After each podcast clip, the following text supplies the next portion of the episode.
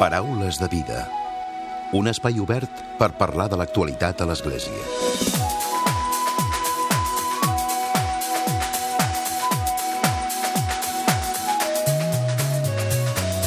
Què tal? Salutacions i molt bon dia, molt bon diumenge. Del 15 al 30 de novembre es posa en marxa una nova edició de la Mostra de Cinema Espiritual de Catalunya, que des de fa uns anys s'organitza des de la Direcció General d'Afers Religiosos de la Generalitat. Enguany és la 14a edició i es podran veure una vintena de pel·lícules i un curtmetratge.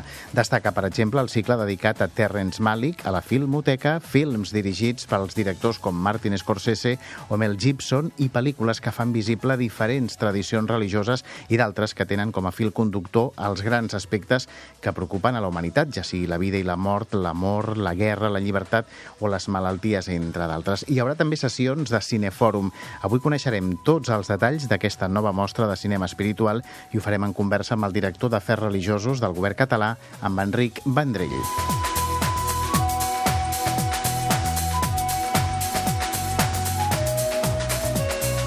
Com sempre, a la recta final del Paraules arribarà un nou comentari de l'actualitat de Francesc Romeu. És diumenge 12 de novembre. Comencem.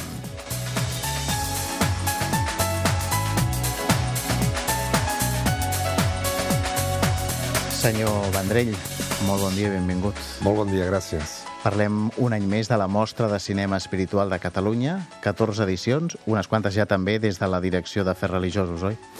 Sí, la quarta, eh, organitzada per nosaltres, eh, val a dir que aquest any superant moltíssimes dificultats, perquè ningú se li escapa que la situació de la Generalitat de Catalunya és...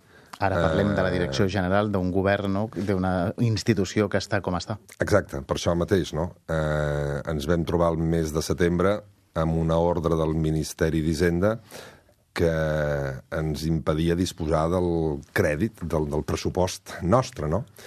I ens va enganxar a mig preparar la mostra. És, és veritat que ja teníem una feina feta abans de l'estiu, però quedaven moltes coses per tancar després de l'estiu.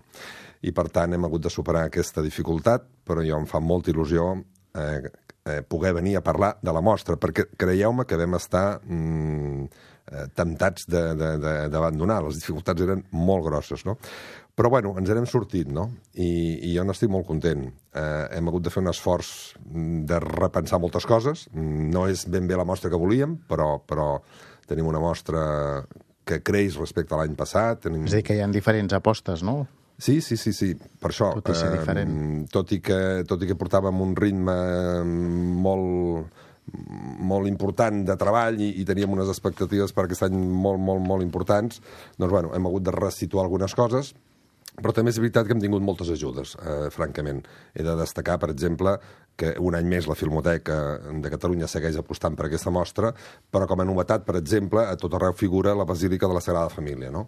Això és nou, no? i això és perquè, perquè els vam anar a trucar a la porta, perquè necessitàvem justament eh, eh, sponsors o patrocinadors. No? I la Basílica de la Sagrada Família eh, ha apostat per un festival com el nostre i jo n'estic molt, molt, molt agraït. Uh -huh. Doncs parlem més concretament de la mostra i del que es podrà veure a partir del dia 15 i fins al 30, és a dir, aquesta Exacte. propera setmana ja sí, i fins ja. a finals de mes.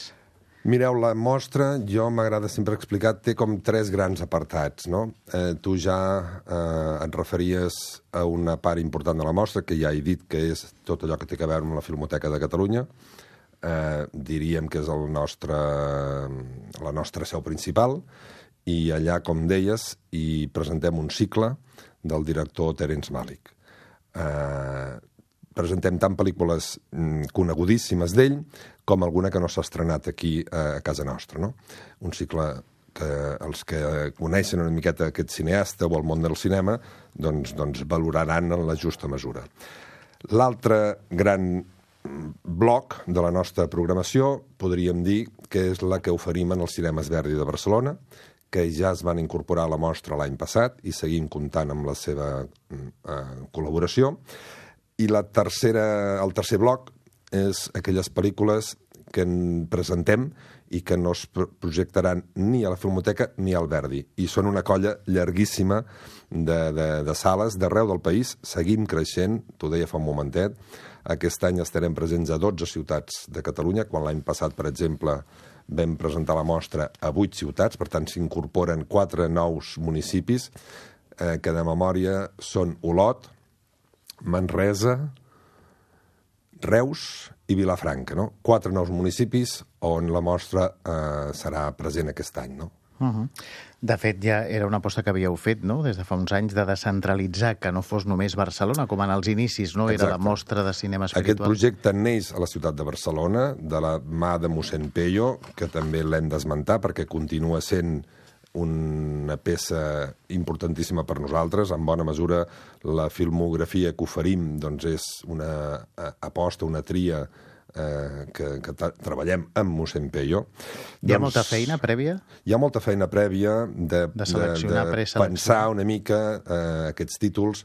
Eh, penseu, per exemple, eh, un altre aspecte d'aquesta mostra que ja vam iniciar l'any passat i que eh, consolidem aquest any és la, és la um, col·laboració amb la Direcció General de Serveis Penitenciaris.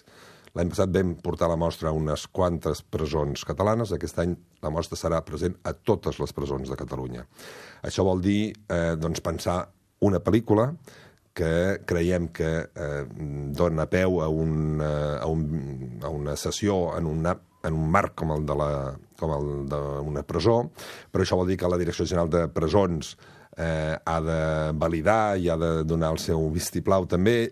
Per tant, ho poso com a exemple feina, no? perquè hi ha tota aquesta feina de pensar, de, de consensuar, igual amb la filmoteca, no? Nosaltres els fem propostes i ha de ser també, i tothom ho entendrà, no podríem, no podríem pas programar aquest cicle que presentem la setmana que ve sobre um, Terence Malick si fa dos dies la filmoteca hagués acabat d'oferir eh, una programació idèntica, no? Per tant, hi ha tota una feina sí, de pensar... Hi ha una planificació, i de, no? Planificació anual. Exacte, exacte pensar-la i després consensuar-la amb els nostres doncs, diferents actors. També la, també ja vam començar eh, fa dos anys eh, la col·laboració amb l'obra social La Caixa, que ens permet portar la mostra doncs, a Tarragona, Lleida i Girona de la mà del Caixa Fòrum. No? Bueno, això també implica que eh, Caixa Fòrum eh, ha de validar també la proposta que els hi fem de, de, de, de pel·lícules. No? Per tant, hi ha tota aquesta feina de pensar i de trobar la complicitat dels nostres eh, socis, si voleu. Mm.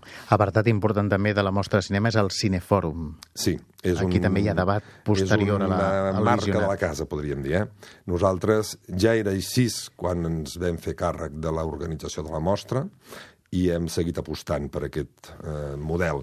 Creiem que és molt important tot i que, evidentment, és una cosa que oferim, però que ningú està obligat a quedar-se. És a dir, acabada la pel·lícula, eh, eh, oferim la possibilitat de que una persona de àmbits professionals ben diversos i de tradicions religioses ben diferents, també, eh? perquè ho busquem i, i ho promovem, no? Doncs, acabada la projecció, hi ha una persona que pot donar algunes claus eh, eh, interpretatives o que pot eh, provocar eh, doncs, alguna reflexió o suggerir alguna reflexió amb el públic assistent, no? I, i ens interessa molt que sigui així, perquè eh, creiem que de debò moltes vegades una pel·lícula li acabem de treure tot el suc en la mesura que la comentem, no? ja sigui amb els amics al sortir o això, o amb una persona que l'ha vist prèviament i que ja ha reflexionat. No? Uh -huh. I com destacava, diferents tradicions religioses o també dels aspectes, com dèiem a la portada, no? que més ens preocupen no? com, a, com a éssers humans. Sí, això és el tret eh, distintiu, si voleu, del cinema espiritual. No? Mossèn Peyo sempre ho explica, no és exactament un cinema religiós, és un cinema espiritual. Per què? Doncs perquè mira d'abordar aquestes grans qüestions que una mica eh, són, són les de sempre, aquelles qüestions que la humanitat s'ha anat plantejant. No? Eh, la gràcia és que eh, per presentar aquestes qüestions, aquests temes, aquestes temàtiques a la ciutadania, mirem de fer-ho sempre amb pel·lícules eh, que hagin estat filmades per directors de, de, de, de, de diferents llocs del món, eh, que vol dir doncs, de diferents mm, tradicions eh, religioses, no? eh, perquè, perquè evidentment doncs, sobre la malaltia que deies tu, per exemple, eh, ens en pot parlar perfectament un cineasta d'aquí o un cineasta de la Índia, no? Però la seva manera d'explicar la mateixa temàtica estarà imbuïda d'aquella eh, de, de les creences d'aquest cineasta, no? Per tant, és molt important per nosaltres, eh, insisteixo, mirar de presentar sempre una filmografia ben variada en aquest sentit. I ah. també les persones a les que els demanem que ens facin aquest Eh, de totes les professions, no? De totes les professions. Trobaràs eh, gent de l'àmbit universitari, però també eh, trobaràs gent de, de, dels mitjans de comunicació i, i hi ha gent de, de, del món del dret. És a dir gent que... que condueix, no ho havíem explicat detallat, gent sí. que condueix la, el cinefòrum, no? O sigui, el, el debat posterior. Exacte. I aquestes persones, doncs, també, si les analitzéssim qui són, doncs veuríeu que hi ha gent doncs, del món de l'àmbit catòlic, però també hi ha persones eh, que col·laboren doncs, del món protestant o del món jueu, del món musulmà. Especialment fem eh, aquesta aposta perquè creiem de debò que, que la diversitat, eh, i ho posem com a subtítol de la mostra aquest any, no? diàleg i diversitat, són els dos eh, allò, les dues característiques per les quals voldríem que es conegués aquesta mostra. I per l'experiència, el recorregut que ja teniu, el perfil de, de persones que hi assisteixen a aquests cinefòrums és un perfil de persona amb un nivell cultural més alt o hi ha perfils de, de tot, gent jove, gent gran? Quin és una mica? És una mica divers, perquè diverses són les sales eh, a les quals ens presentem, no? Eh, què vull dir això? Doncs vull dir que segurament la Filmoteca de Catalunya té una mica eh, el seu propi públic, si tu vols, eh, i podria ser, potser, eh, doncs això, un públic potser més format, amb major coneixement cinematogràfic, amb major cultura cin cinematogràfica, no? I, en canvi, si vas a alguna sala d'aquestes d'algun barri de, de, de la ciutat de Barcelona o d'alguna ciutat de, dels voltants de Barcelona, doncs eh, segurament el públic és molt més divers, no? Eh, eh, col·laboren amb nosaltres entitats eh, centenàries de, de la ciutat o, o, o de Catalunya que ofereixen constantment eh, activitats pels seus socis i són activitats molt diverses, no? I un dia potser els ofereixen conferències i un altre dia els ofereixen ofereixen cinema. I aquest tipus de públic, doncs, segurament té un altre nivell de, de cultura cinematogràfica. Però no... no eh, nosaltres creiem que ens dirigim a, a un públic ben ampli, no, no, no, no cal cap especial coneixement. No? Creiem que no, eh, de debò. Paral·lelament també es fa la segona trobada de directors de cinema, no? de mostres eh, Sí, això vam, això vam començar-ho l'any passat i en vam quedar molt i molt satisfets eh, heu de pensar que festivals o mostres semblants a la nostra n'hi ha arreu del món. Algú parla de festival de cinema de valors, altres parlen eh, específicament de mm, cinema religiós, altres de cinema espiritual com nosaltres, però en el fons mm, la idea és, la idea és molt, molt, molt, molt la mateixa i, i n'hi ha diversos, insisteixo, arreu del món. Nosaltres l'any passat vam fer aquest primer, aquesta primera aposta per reunir gent responsables d'aquests eh, festivals perquè no ho havia fet ningú fins ara. Eh, per tant, vam ser pioners eh, en, en mirar de crear una xarxa eh, per facilitar eh, la, la, la, la coneixença, la relació. Acabem de publicar, eh, justament fruit d'aquell treball de l'any passat, doncs, un llibre que recull eh, aquests diversos festivals que hi ha eh, arreu del món. No? I ara tornem perquè creiem que val la pena associar la mostra amb aquesta trobada amb festivals de, de diversos llocs del món. Uh -huh. Una altra de les apostes, malgrat les dificultats que deia l'Enric Vendrell que hi ha hagut aquest any, és les xarxes socials, internet, hi ha una pàgina específica amb tota la informació. Sí. Mm, suposo que això és important destacar-ho, no? perquè la gent també pot compartir-ho és molt important i, i lligo amb una... Mm, de fet, lliga això amb una cosa que m'acabaves de preguntar, el tipus de públic, no? Bé, si alguna cosa eh, ens, ens, ens, ens sabia greu d'aquestes edicions anteriors és que potser no acabàvem d'arribar al públic més jove, no?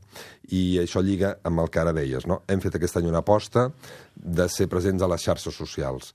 Eh, hem obert eh, comptes específics de cinema espiritual, les tres, diria que principals eh, xarxes, com són Twitter, Facebook i també Instagram. No?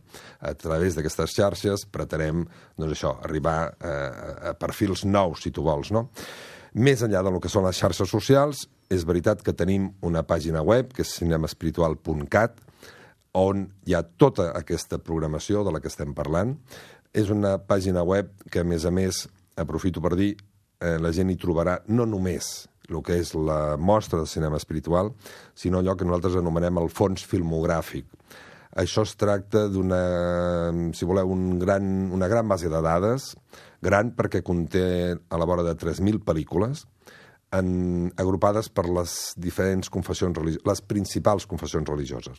És a dir, si una persona eh, vol acostar-se, conèixer, és igual, el judaïsme o el cristianisme o l'islam, li proposem un seguit de títols que creiem, hi ha un professor universitari, eh, Joan Andreu Rocha, eh, concretament, que ha fet aquesta feina de seleccionar aquestes pel·lícules que creiem que serveixen per conèixer, per acostar-nos a aquestes grans tradicions religioses. Tot això està endreçat, hi ha un espai de cerca, pots cercar... És dir, és una base de dades que està disponible per a tothom. Sí, sí, sí. sí. O sigui, no, no cal a través... una... No, no, no, no. A través un registre previ, pàgina... no, allà? a través d'aquesta pàgina web que hem esmentat, cinemaespiritual.cat, la gent pot trobar dos grans eh, eh, àrees no? de, de consulta. El que és aquest fons filmogràfic, insisteixo, 3.000 pel·lícules, de cadascuna hi ha la seva sinopsi, el director, l'any en què es va doncs, dirigir o estrenar aquesta pel·lícula, el títol que hem fet un esforç de posar-lo en anglès, en català i en castellà, i, insisteixo, endreçades eh, per, per les grans confessions religioses. No? Això és un apartat d'aquest web. L'altre gran apartat és la mostra. Allà trobareu tota la programació, eh, les pel·lícules, eh, les sales, els programes, perquè mm, com que fem doncs, sessions eh, a Manresa, per exemple, no? doncs un pot anar i buscar exactament a Manresa, directament a Manresa, què es presenta? Doncs hi ha un llistat de totes les sales, de totes les ciutats, etc. Uh -huh. Que, de fet, aquest és, és un dels esforços que, que es fa amb la mostra, no? de descentralitzar-ho, per tant, la gent que ens estigui escoltant i que potser està en una de les ciutats on es fa la, una projecció, doncs seria interessant que com a mínim ho sàpiga, no? O sigui, en allà hi ha tota la... Sí, la, la, la nostra angúnia sempre és si arribem a, a, a la gent, no? Per tant, agraeixo la possibilitat que, que ens dones de parlar-ne i d'arribar a la gent, no? Eh, tenim la complicitat, i, i també he d'agrair-ho públicament, per exemple, de Catalunya Cristiana, perquè... Eh, del setmanari Catalunya Cristiana. El setmanari Catalunya Cristiana, eh, també el portal Catalunya Religió, per què? Per què els ho agraeixo? Bueno, perquè anys enrere, eh, amb una situació econòmica diferent de la que he explicat que teníem aquest any, els vam poder contractar una sèrie d'espais per donar a conèixer la mostra. Aquest any no hem pogut contractar. Jo et deia que aquest any hem pogut perquè no fem exactament tot el que volíem fer. Bueno, doncs el que se n'ha ressentit, per exemple, és tot allò que té a veure amb la difusió. Amb la publicitat. Això no ho hem pogut contractar. Però jo he d'agrair, doncs, això, eh, Catalunya Religió o Catalunya Cristiana estan fent-se ressò de la mostra de manera absolutament desinteressada. No? De fet, sí, perquè quan entres, cliques catalunyareligió.cat, et surt el bàner amb... Doncs que ho sàpiga tothom. Surt el, surt el bàner, però, però de manera absolutament desinteressada perquè tenen ganes de col·laborar amb nosaltres, però no els hem pogut... Eh, eh, remunerar aquesta col·laboració. No? Uh -huh. I per últim, Enric, de la tria de pel·lícules has dit abans que n'hi han moltes, però no sé si, si hi ha alguna que, que puguem destacar pels oients del, del Paraules de Vida? Mm, bueno, si vols... Com eh, deies, no? Hi ha, hi ha una varietat molt en gran. En diré tres, per exemple, eh? no, no, però se'n podrien dir moltes més. Mm. Uh, una, per exemple, per aquelles persones que encara estiguin, eh, que encara tinguin present eh, el que va suposar pel nostre país els atemptats del mes d'agost, per exemple. No? Bé, doncs per poder mm, parlar-ne i perquè ens semblava que no podíem passar-ho de llarg, presentem Los caballos de Dios. Aquesta és una pel·lícula eh, a partir, o, o, o la història eh, eh, té a veure amb l'atemptat que es va viure a Casa Blanca eh, fa una colla d'anys. Eh, insisteixo. Mm, és per abordar, és... reflexionar sobre el terrorisme. Exacte, vale? Eh, doncs aquest un títol que... Seria que, Los caballos de Dios. Aquest un títol que deixo damunt de la taula. Un altre eh, que, que ens fa també il·lusió presentar és Una bolsa de caniques. Aquesta està basada en una novel·la eh, d'un autor reconegudíssim a França, Joseph Joffo, la bolsa de, una bolsa de caniques. Aquesta eh, la presentem aquí, no s'ha estrenat encara eh, a casa nostra, és una preestrena, eh, una novel·la mm, de, de, de, un bestseller, vaja, eh, uh -huh. a França. Deixeu-me dir una altra, eh, no de les més conegudes, perquè tampoc s'ha estrenat aquí. Com que estem en l'any del 500 aniversari de la Reforma Protestant, eh, vam fer una cerca a veure què podíem presentar i presentem Storm, Letter of Fire, que està ambientada en l'època de la Reforma. Una pel·lícula d'aventures, però ambientada en els moments aquells, en els primers anys de la Reforma protestant. Tres propostes que ens fa avui directament des del Paraules de Vida l'Enric Vendrell, el director d'Afers Religiosos de la Generalitat. Enric, gràcies novament per haver vingut. Moltíssimes gràcies a vosaltres. Mostra. Gràcies a vosaltres. Paraules de vida. Un espai obert per parlar de l'actualitat a l'Església. I tot seguit arriba el comentari de l'actualitat de Francesc Romeu. Francesc, molt bon dia. Molt bon dia a tothom. Des del nostre programa cada setmana ens hem anat fent ressò dels darrers esdeveniments que s'han viscut a Catalunya i de les seves repercussions, però també de totes aquelles manifestacions que a nivell d'Església han anat apareixent. Recordem com molts col·lectius es van posicionar i ens convocaven a participar en el referèndum de l'1 d'octubre, denunciant la manca de diàleg amb l'estat espanyol. Després recordem les condemnes per les accions violentes durant l'1 d'octubre. Després per la desmesurada aplicació de l'article 155 de la Constitució espanyola i el perill que això representava pels nostres mitjans públics i les nostres institucions. Ara, finalment, també hem de denunciar l'empresonament injust dels nostres representants polítics. Per aquest motiu, la setmana passada, prop d'una quarantena de capellans de Vic van signar un manifest en el que constataven el fort trasbals que vivim a Catalunya des de fa temps, però sobretot aquestes darreres setmanes i dies. S'ha fet tot el possible perquè no poguessin votar, s'ha apallissat brutalment gent pacífica, s'ha tergiversat la informació mentint i negant l'evidència, s'ha tancat a la presó dos homes de pau. Finalment, amb l'aplicació de l'article 155 s'ha subjugat tot un poble abolint les institucions votades democràticament pels seus ciutadans, amenaçant amb 30 anys de presó polítics votats pel poble. En resum, es vol negar al nostre poble, amb mitjans ben poc justos, l'exercici del dret a l'autodeterminació.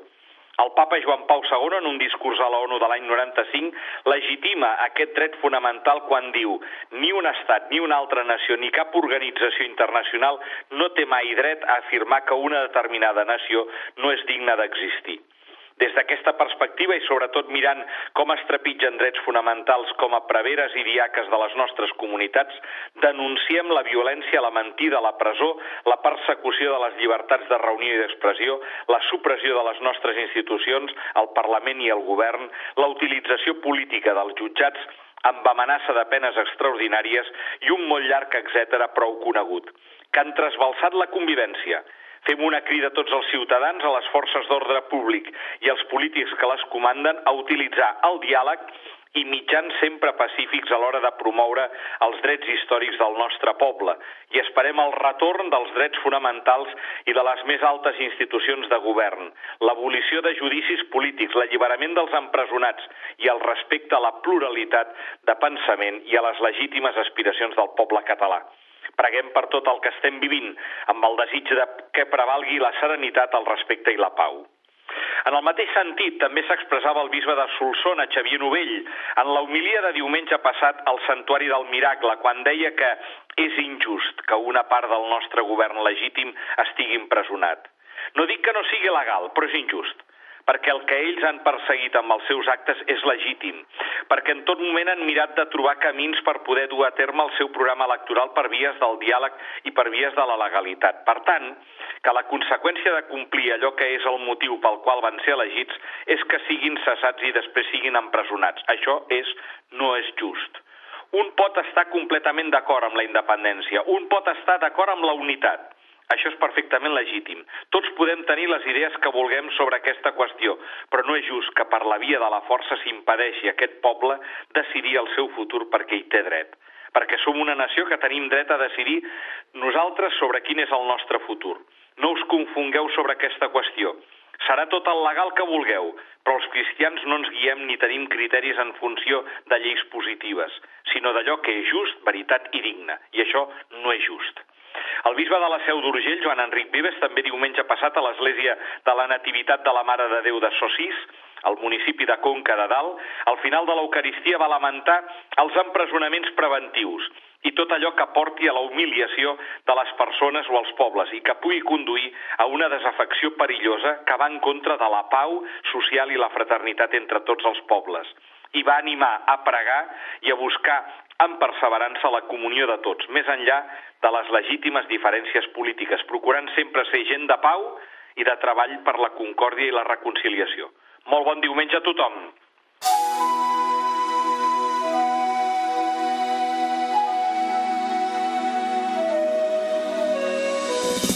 Fins aquí el Paraules de Vida d'aquest diumenge. En Diego Monroy ha estat el control tècnic i qui us ha parlat l'Emili Pacheco. Que passeu bon diumenge i una molt bona setmana.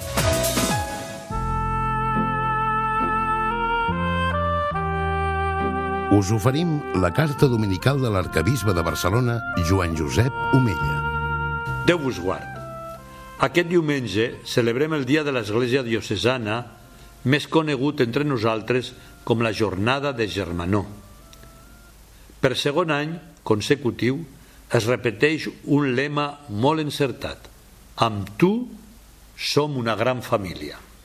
Efectivament, l'Església Catòlica som una gran família que acull i s'esforça a construir una societat millor i més fraterna. Una família que treballa per crear una convivència social agradable i solidària, especialment amb els més necessitats. L'Església, oferint el missatge de l'Evangeli, els sacraments de la vida nova i vivint el nou manament de la mort, desvella la responsabilitat dels cristians pel bé comú de la societat en què viuen. De tant en tant, és bo aturar-nos una estona per contemplar i donar gràcies a Déu per tot el bé que som capaços de fer quan acollim i seguim la seva voluntat per prendre consciència de la tasca que fem els cristians, les parròquies i institucions de l'Església només cal preguntar-nos què seria de les nostres ciutats i pobles sense el treball dels cristians? Pensem en el camp de l'espiritualitat, de l'atenció als malalts i a la gent gran, als pobres i marginats, en el camp de l'ensenyament i de la cultura, etc. Les nostres ciutats i els nostres pobles no serien els mateixos sense aquesta gran família. Els mancaria ànima, els mancaria sentit, els mancaria joia i esperança i trobaríem a faltar fraternitat i justícia. L'Església vol fer de la nostra societat una gran família que té a Déu com a pare i a Jesucrist com a germà gran. Aquesta és una de les grans missions que ens ha confiat el Senyor veure l'altre com un do, com un regal i una oportunitat. Sovint no ens en sortim i ens deixem portar per la temptació de mirar l'altre com un enemic. Malgrat això, els catòlics no volem deixar de treballar per assolir aquesta fita. Ho volem fer mitjançant la formació humana i intel·lectual, a través de les nostres escoles i centres universitaris, però també ajudant els infants joves i adults a madurar com a persones mitjançant les catequesis d'adults, de joves, d'infants, mitjançant la vida comunitària a les parròquies, als moviments i als instituts de vida consagrada i les societats de vida apostòlica. La nostra és una família que no vol oblidar-se dels que pateixen, denunciant-ne la situació i ajudant-los a través de les moltes accions de solidaritat. Podem dir, amb un profund agraïment a Déu, que sense l'Església Catòlica la nostra societat seria molt més pobra en recursos humans, culturals i espirituals. Per això, en aquest dia de Germanó, que és l'únic dia a l'any en què es fa aquesta col·lecta en favor de les obres diocesanes, us demano la vostra col·laboració. Aquest dia la Delegació Diocesana d'Economia dona compte de l'origen dels seus recursos i de la seva destinació al servei de l'acció pastoral i dels més necessitats. Amb la vostra col·laboració, la nostra diòcesi ha pogut crear i mantenir el Fons Comú Diocesà, un fons al servei de l'intercanvi de recursos entre totes les parròquies, amb una clara finalitat, que aquelles que tenen més recursos ajudin solidàriament les que en tenen menys o passen per moments d'especial necessitat. Es tracta, en resum, de disposar dels mitjans perquè l'Església pugui continuar donant resposta a la crida rebuda de Jesucrist. Moltes gràcies per la vostra ajuda. Benvolguts germans, que Déu us beneixi a tots. Us hem ofert la carta dominical de l'arcabisbe de Barcelona, Joan Josep Omella.